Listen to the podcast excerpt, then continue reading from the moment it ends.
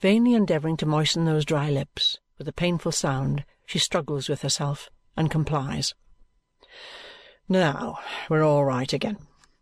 Sir Leicester Dedlock, Baronet, this case could never have been the case it is but for Mrs. Bucket, who is a woman in fifty thousand, in a hundred and fifty thousand. To throw this young woman off her guard, I have never set foot in our house since, though I have communicated with Mrs. Bucket in the baker's loaves and in the milk as often as required. My whispered words to Mrs. Bucket when she had the sheet in her mouth were, 'My dear, can you throw her off continually with natural accounts of my suspicions against George, and this and that and t'other? Can you do without rest, and keep watch upon her night and day? Can you undertake to say she shall do nothing without my knowledge, she shall be my prisoner without suspecting it, she shall no more escape from me than from death, and her life shall be my life, and her soul my soul, till I have got her if she did this murder. Mrs. Bucket says to me, as well as she could speak on account of the sheet, Bucket, I can. And she has acted up to it glorious. Lies, mademoiselle interposes. All lies, my friend. Sir Leicester Dedlock, Baronet, how did my calculations come out under these circumstances? When I calculated that this impetuous young woman would overdo it in new directions, was I wrong or right? I was right. What does she try to do? Don't let it give you a turn. To throw the murder on her ladyship. Sir Leicester rises from his chair and staggers down again. And she got encouragement in it from hearing that I was always here, which was done a purpose. Now, open that pocket-book of mine, Sir Leicester Dedlock, if I may take the liberty of throwing it towards you, and look at the letters sent to me, each with the two words Lady Dedlock in it. Open the one directed to yourself, which I stopped this very morning, and read the three words Lady Dedlock Murderess in it. These letters have been falling about like a shower of ladybirds. What do you say now to Mrs. Bucket from her spy place, having seen them all written by this young woman? What do you say to Mrs. Bucket having, within this half hour, secured the corresponding ink and paper, fellow half sheets, and what not? What do you say to Mrs. Bucket having watched the posting of 'em, every one, by this young woman? Sir Leicester Dedlock, Baronet? Mr. Bucket asks, triumphant in his admiration of his lady's genius. Two things are especially observable as Mr. Bucket proceeds to a conclusion. First, that he seems imperceptibly to establish a dreadful right of property in mademoiselle. Secondly, that the very atmosphere she breathes seems to narrow and contract about her as if a close net or a pall were being drawn nearer and yet nearer around her breathless figure. There is no doubt that her ladyship was on the spot at the eventful period, says Mr. Bucket, and my foreign friend here saw her, I believe, from the upper part of the staircase. Her ladyship and George and my foreign friend were all pretty close on one another's heels, but that don't signify any more, so I'll not go into it. I found the wadding of the pistol with which the deceased Mr. Tulkinghorn was shot. It was a bit of the printed description of your house at Chesney Wold. Not much in that, you'll say, Sir Leicester Dedlock, Baronet. No, but when my foreign friend here is so thoroughly off her guard as to think it a safe time to tear up the rest of that leaf, and when Mrs. Bucket puts the pieces together and finds the wadding wanting, it begins to look like Queer Street. These are very long lies, mademoiselle interposes. You prose great deal. Is it that you have almost finished, or are you speaking always? Sir Leicester Dedlock, Baronet, proceeds Mr. Bucket, who delights in a full title and does violence to himself when he dispenses with any fragment of it. The last point in the case, which I am now going to mention, shows the necessity of patience in our business and never doing a thing in a hurry.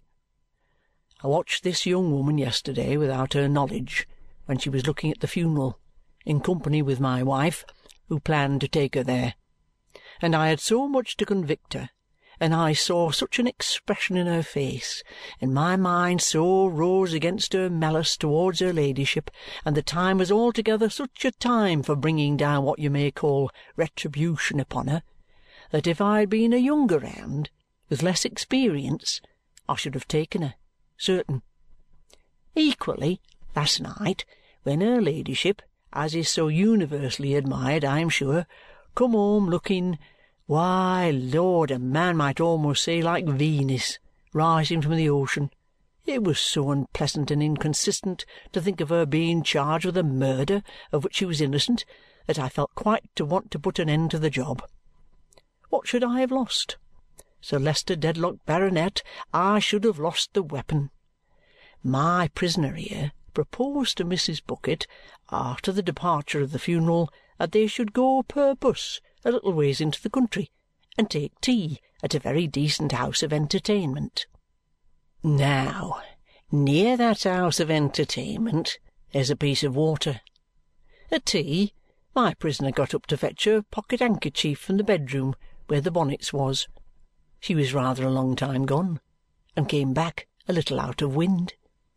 As soon as they came home, this was reported to me by Mrs. Bucket along with her observations and suspicions. I had the piece of water dragged by moonlight in presence of a couple of our men, and the pocket pistol was brought up before it had been there half a dozen hours. Now, my dear, put your arm a little further through mine and hold it steady, and I shan't hurt you. In a trice, Mr. Bucket snaps a handcuff on her wrist. That's one, says Mr. Bucket. Now the other, darling. Two, and all told. He rises, she rises too. "Where?"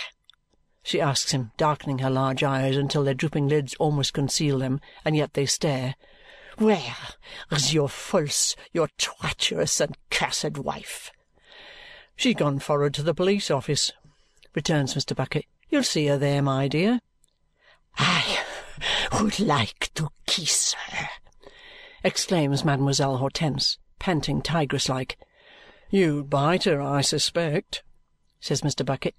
"I would," making her eyes very large. "I would love to tear her limb from limb." "Bless you, darling," says Mr. Bucket with the greatest composure.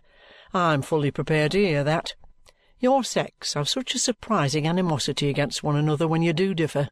You don't mind me half so much, do you?" "No though you are a devil still." "Angel and devil by turns, eh?" cries Mr. Bucket. "But I am in my regular employment, you must consider. Let me put your shawl tidy. I've been lady's maid to a good many before now. Anything wanting to the bonnet? Ha! There's a cab at the door." Mademoiselle Hortense, casting an indignant eye at the glass, shakes herself perfectly neat in one shake and looks to do her justice, uncommonly genteel. "Listen, then, my angel," says she after several sarcastic nods. "You are very spiritual, but can you restore him back to life?" Mr. Bucket answers, "Not exactly." "That is droll. Listen yet one more time. You are very spiritual. Can you make an honourable lady of her?" "Don't be so malicious," says Mr. Bucket. "Or a haughty gentleman of him?" cries mademoiselle, referring to Sir Leicester with ineffable disdain. "Eh? Oh! Then regard him. The poor infant!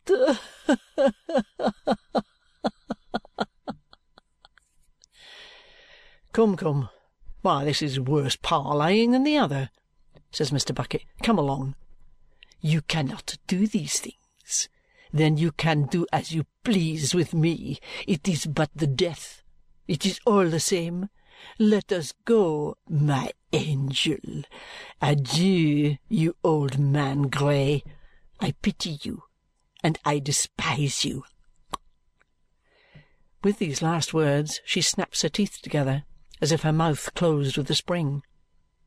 It is impossible to describe how Mr. Bucket gets her out, but he accomplishes that feat in a manner so peculiar to himself, enfolding and pervading her like a cloud and hovering away with her as if he were a homely Jupiter and she the object of his affections. Sir Leicester, left alone, remains in the same attitude, as though he were still listening and his attention were still occupied. At length he gazes round the empty room, and finding it deserted, rises unsteadily to his feet, pushes back his chair, and walks a few steps, supporting himself by the table. Then he stops, and with more of those inarticulate sounds, lifts up his eyes and seems to stare at something. Heaven knows what he sees.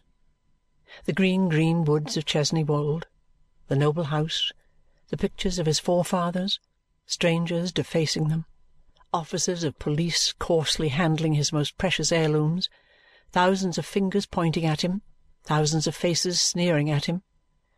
But if such shadows flit before him to his bewilderment, there is one other shadow which he can name with something like distinctness even yet, and to which alone he addresses his tearing of his white hair and his extended arms. It is she, in association with whom, saving that she has been for years a main fibre of the root of his dignity and pride, he has never had a selfish thought. It is she whom he has loved, admired, honoured, and set up for the world to respect. It is she who, at the core of all the constrained formalities and conventionalities of his life, has been a stock of living tenderness and love, susceptible as nothing else is of being struck with the agony he feels. He sees her, almost to the exclusion of himself, and cannot bear to look upon her cast down from the high place she has graced so well. And even to the point of his sinking on the ground, oblivious of his suffering, he can yet pronounce her name with something like distinctness in the midst of those intrusive sounds, and in a tone of mourning and compassion rather than reproach.